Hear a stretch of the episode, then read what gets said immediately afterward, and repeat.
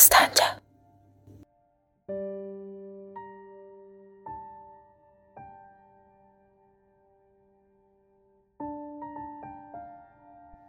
O isti gündə biri mənə qoltuqlarımın üzərində iki qanad çıxartmışam desəydi qəribə gəlməzdi.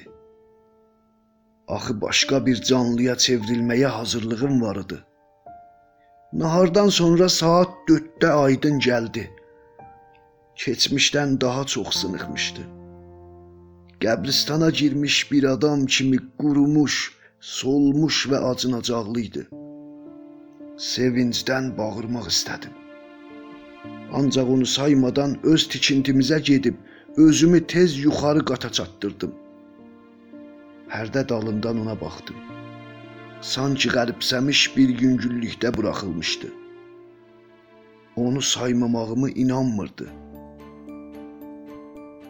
Neçə an kilisanın önündə həmən mən oturan yerdə dayandı. Sonra kilisanın həyətində qumların üzərində addımladı. O zaman kilisadan qıvraq çıxmasını gördüm. Ürəyim çırpınıb əl-ayağım titrəyirdi. Nə edəcəyimi bilmirdim. Pəncərəni açdım. Aydın deyə səslədim. Səsin hansı yöndən gəlməsini seçə bilmədi. Yenə yüngüllükdə uğradığını hiss edib ürəyimdə sənə qurbanam dedim. Qayıdıb heyrətlə o yan bu yana baxdı. Pəncərəni bütöv açıb bütün vücudumla salam dedim. Gülümsədi. Bəhardasan dedi. Döz deyib tikintidən eşiyə qaçdım.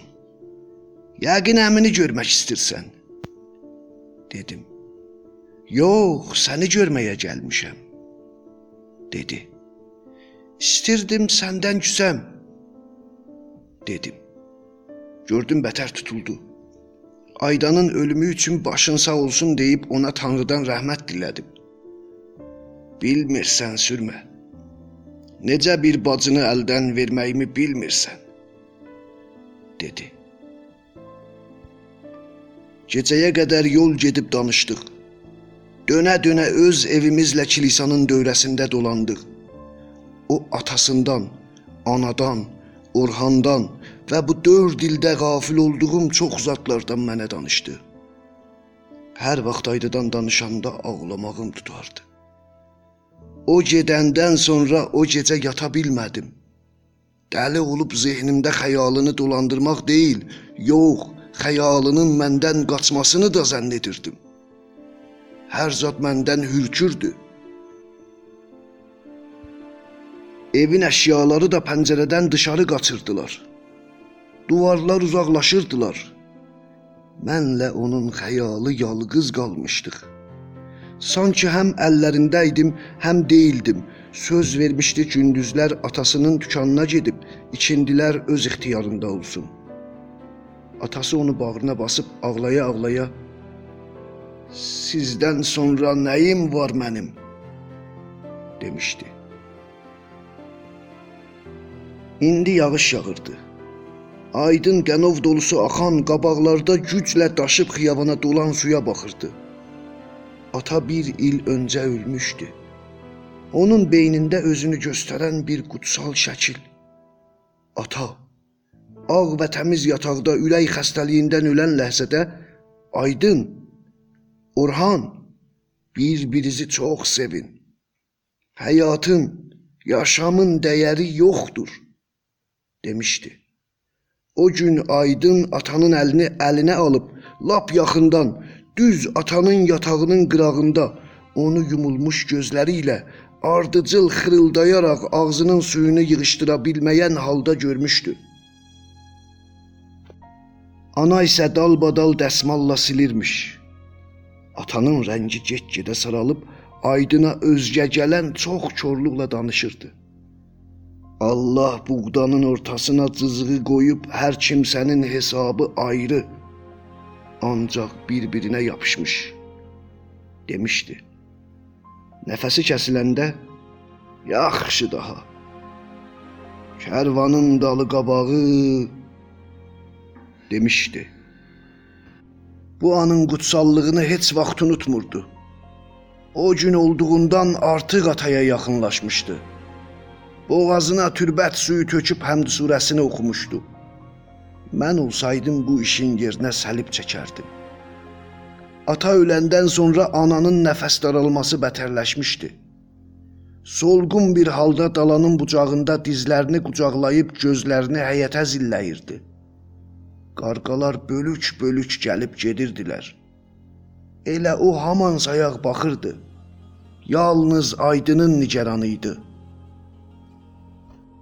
Sən istəsən Nasir dayına qızını gətirib burada görməyin üçün kağız yazaram. dedi. Sözünü də danışma, dedi. Bu sözləri eşitməyə halı yox idi. Məni qafasından çıxarmaq istəmirdi. Səhər yuxudan duranda hər günkü kimi yadına düşmüşdüm. Sanki bir böyük acı bətərdən ürəyinə toxunmuşdu. Mən ardıcıl xəyalına düşdükcə hər dönə yeni bir şəklim var idi. Hərdən elə boyaqsızlaşıb məhv olurdum, sanki çənduman ortasından mənə baxır. Keçən gecənin hələ də keyflisiyəm. Sən yaman bir şərabsan, dedim. Duyğusunun nə olduğunu bilməyi çox istirdim. Məni öpdükdə öpüşünün etkisini üzümdə görmək üçün daha gözlərini bağlamadı. Şıltaqlıq etmişdi.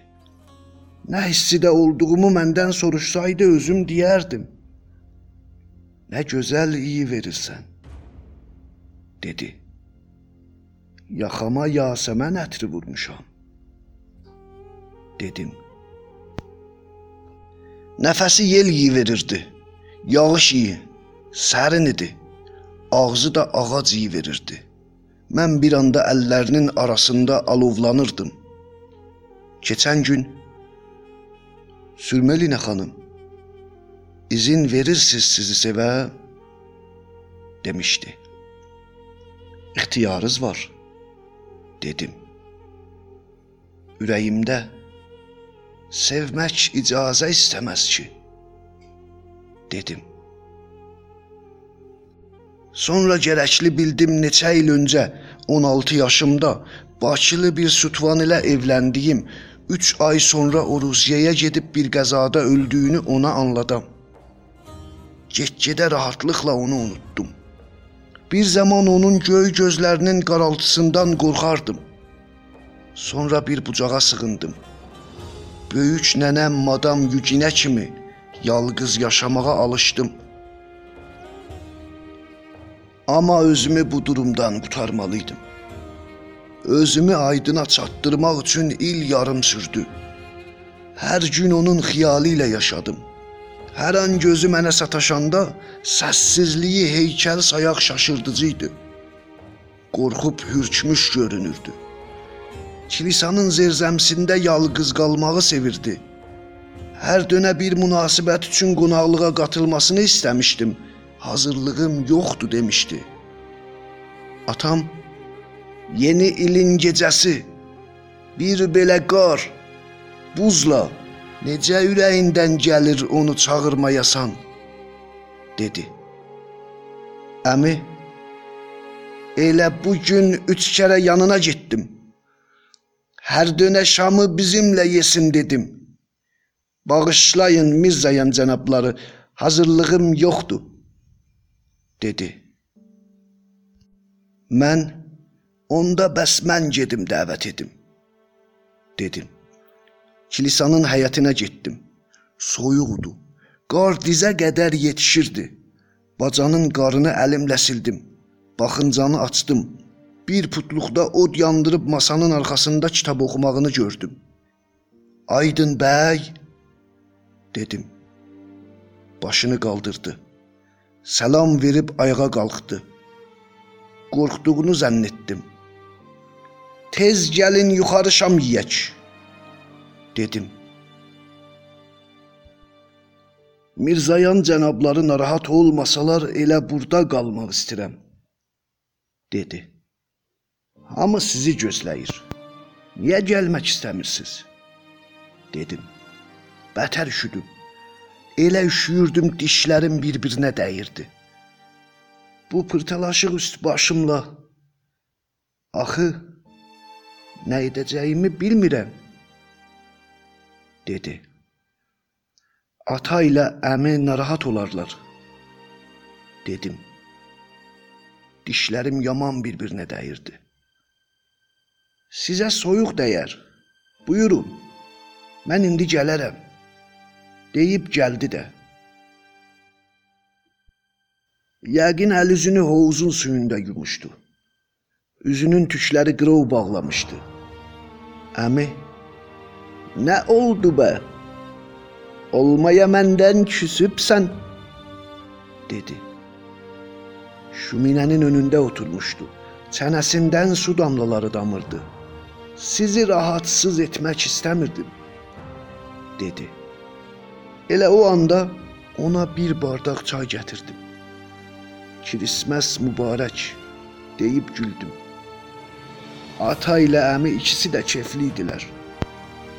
Qaqqa çəkib gülürdülər. Aydın onlara qulaq asıb hərdən bir gülümsünürdü. Hiss edirdim adam tək olanda bütün dünyanın acıları vücudunda alaçıq qurar.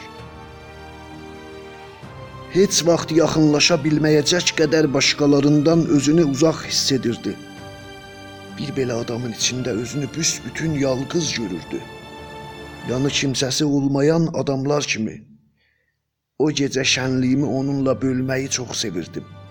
Bir alma kimi ortadan kəsəm, hansı bölümünü sevir götürsün. Belə bir zatları şayət o da bilirdi, mənə aydınlatmırdı. Özünü də onda qoymurdu. Yalnız gahdan baxışı qulağıma ya da saçlarıma qonurdu. Ancaq başımı çevirdikdə serçə kimi uçub getmişdi. Dünya kömür tovlamasına bənzəyir. Hızlandıqca adam lap tez dışarıya tullanır. Dedim. Hə, adam yalqızlıqla baş gicəlməsini anladığı qədər qıvraqdır, dedi.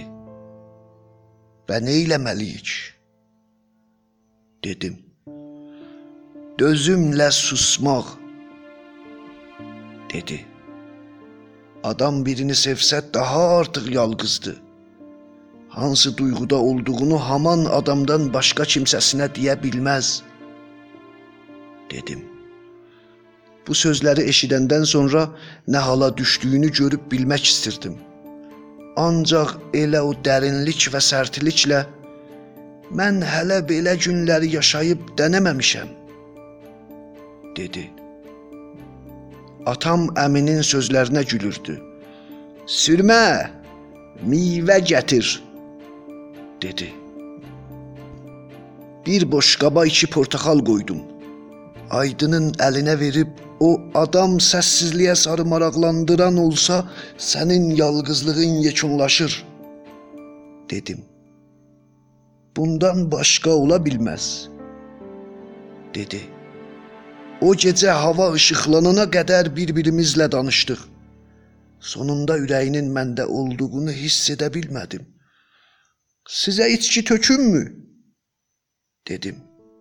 Yox, Sağ olun, dedi. Tarif edirsinizmi? Dedim. Yox, mən içki əhli deyiləm, dedi. İçki içən olmadığı üçün ürəyimdə sevinirdim. Ancaq istirdim görəm keflilikdə də belə ehtiyatlıdırmı? Yaxşı. Nə deyirdik?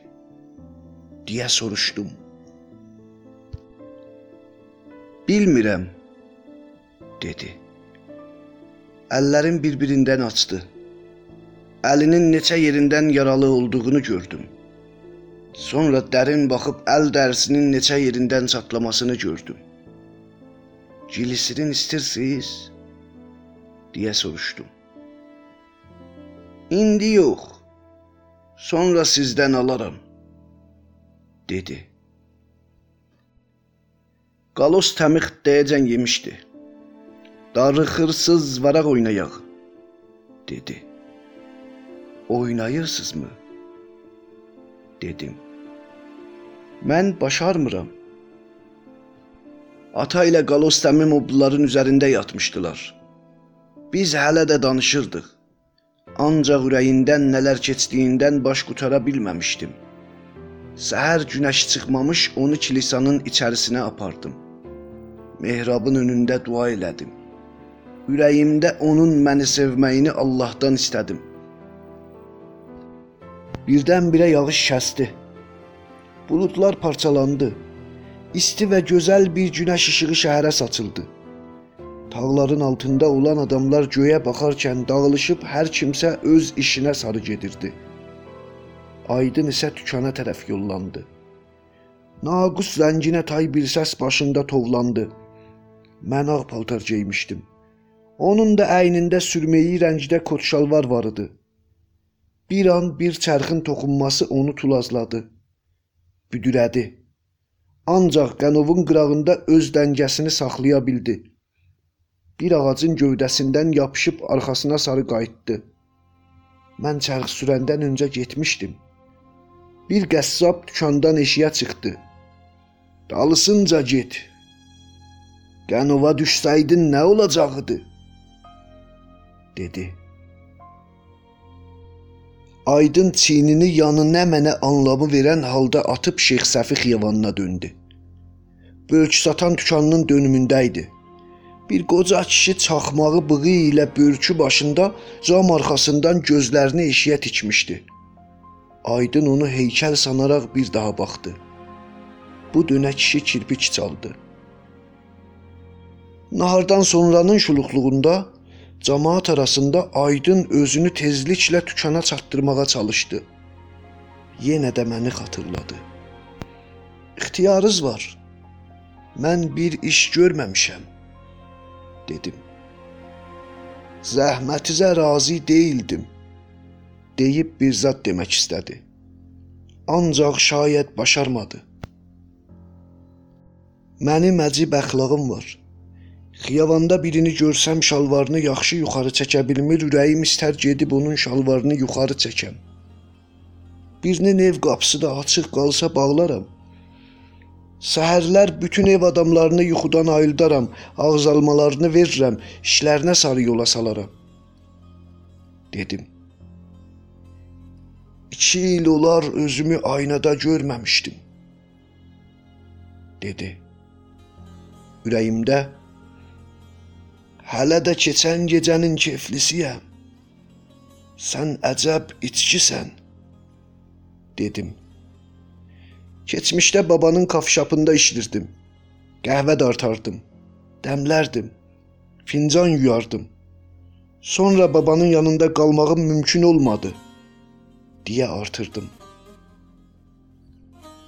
Elə o halda çəkiş əlində qalmışdı. İşizə yetişin dedim. Masasının arxasında oturub gözünü mənim yol getməyimə tikdi. Bilirsiniz, siz koçşalvar geysəz ağa olarsınız, dedim. Deyirsiz yanı indi deyiləm, dedi. Niyə, niyə? Çox da ağasız. Burdan eşiyə çıxa bilsəm, yüzə yüz bir dəst kot şalvar tikdirəcəyəm, dedi. Heç bilirsiz o palto əslən sizə yaraşmır?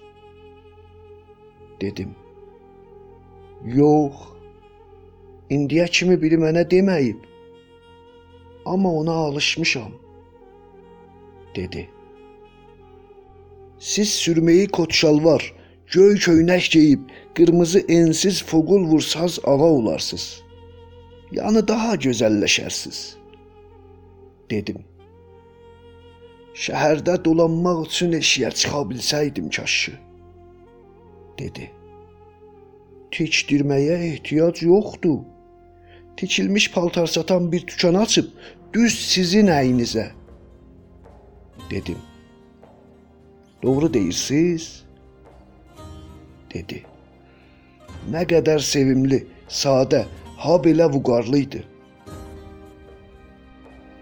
O gecə böyük anam deyinirdi, qoymuram uyatsın. Ayağa qalxıb pəncərəyə sarı gedirdim. Həyətə göz gəzdirirdim. ağaclar, uzaqda olan tikintilər gecənin alatoranında ağlı qaralı ruh kimi görünürdülər. Ağacların başı şahmat əskərləri kimi girdə idi. Sökülmüş gözləri ilə adamı utancdan suya döndərirdilər. Şəhərin yuxuya alışması ilə xəbərsizliyinə bir göz gəzdirdim. Yenə də təxtin üstünə qayıtdım. Mənim ilk gündən ürəyim titrəmişdi. Nədən və bu bir belə vaxtı onun yanına getməmişdim? İndi əlimdən gələn bir iş görə biləcəyimi bilmirdim. İkimiz də yalqız olsaq da dilə gətirməyə ürəyim yox idi. Nə bilim, şayad Qalostəmi bais olmasaydı, zirzəmiyə gedib onunla tanış olmağa heç vaxt ürək edə bilməzdim. Kirisməsdə də ondan bir zad başa düşmədən gecəni səhərə kimi bir yerdə olmağım faydasız idi. O yeşəlikdə kərxananın qazancının üçdən birini aydın verir. Bunu mənə Qalos təmi deyib sevincindən pipini ağzından çəkib oxudu. Ulduzlar da bu gecə səndən danışır. Səsini də opera xanəndələri kimi titrətdi. Ürəyimdə Allah sənə lənət eləsin deyib səlib çəkdim. O gecə həyətdə də ata ilə addımladım. Ata, Qalos təminin bu yazıqdan bir belə iş çəkməyə haqqı varmı? dedim. Ata heyranlıqla mənə baxıb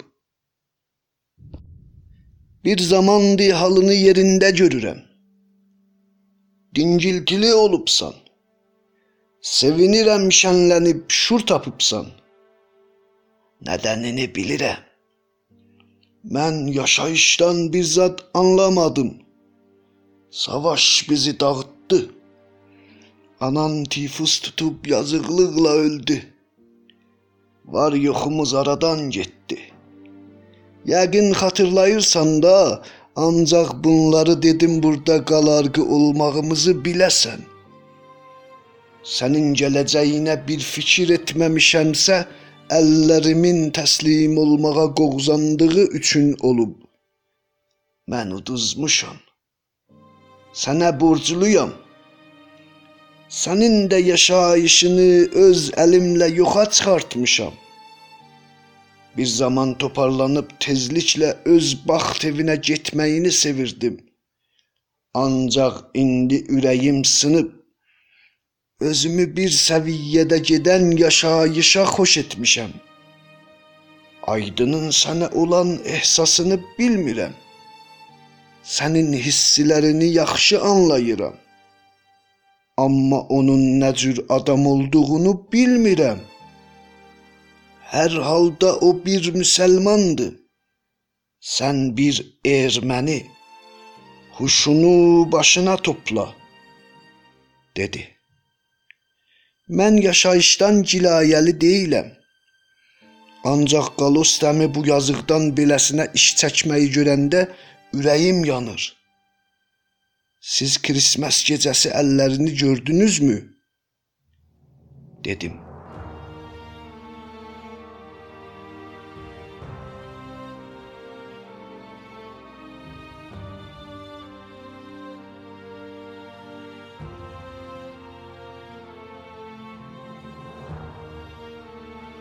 Ölüler Senfonyası 1. Çap Yazar Abbas Marufi Çevirən Əhəd Fərəhməndi Düzənləyən Əli Səlmanzadə Səsləndirənlər Ağa Cabir Purbagiri Xanım Elnarə Hər zamanki kimi bizimlə olun. Bizim axağımızın adresi Dastanca. D A S T A N C A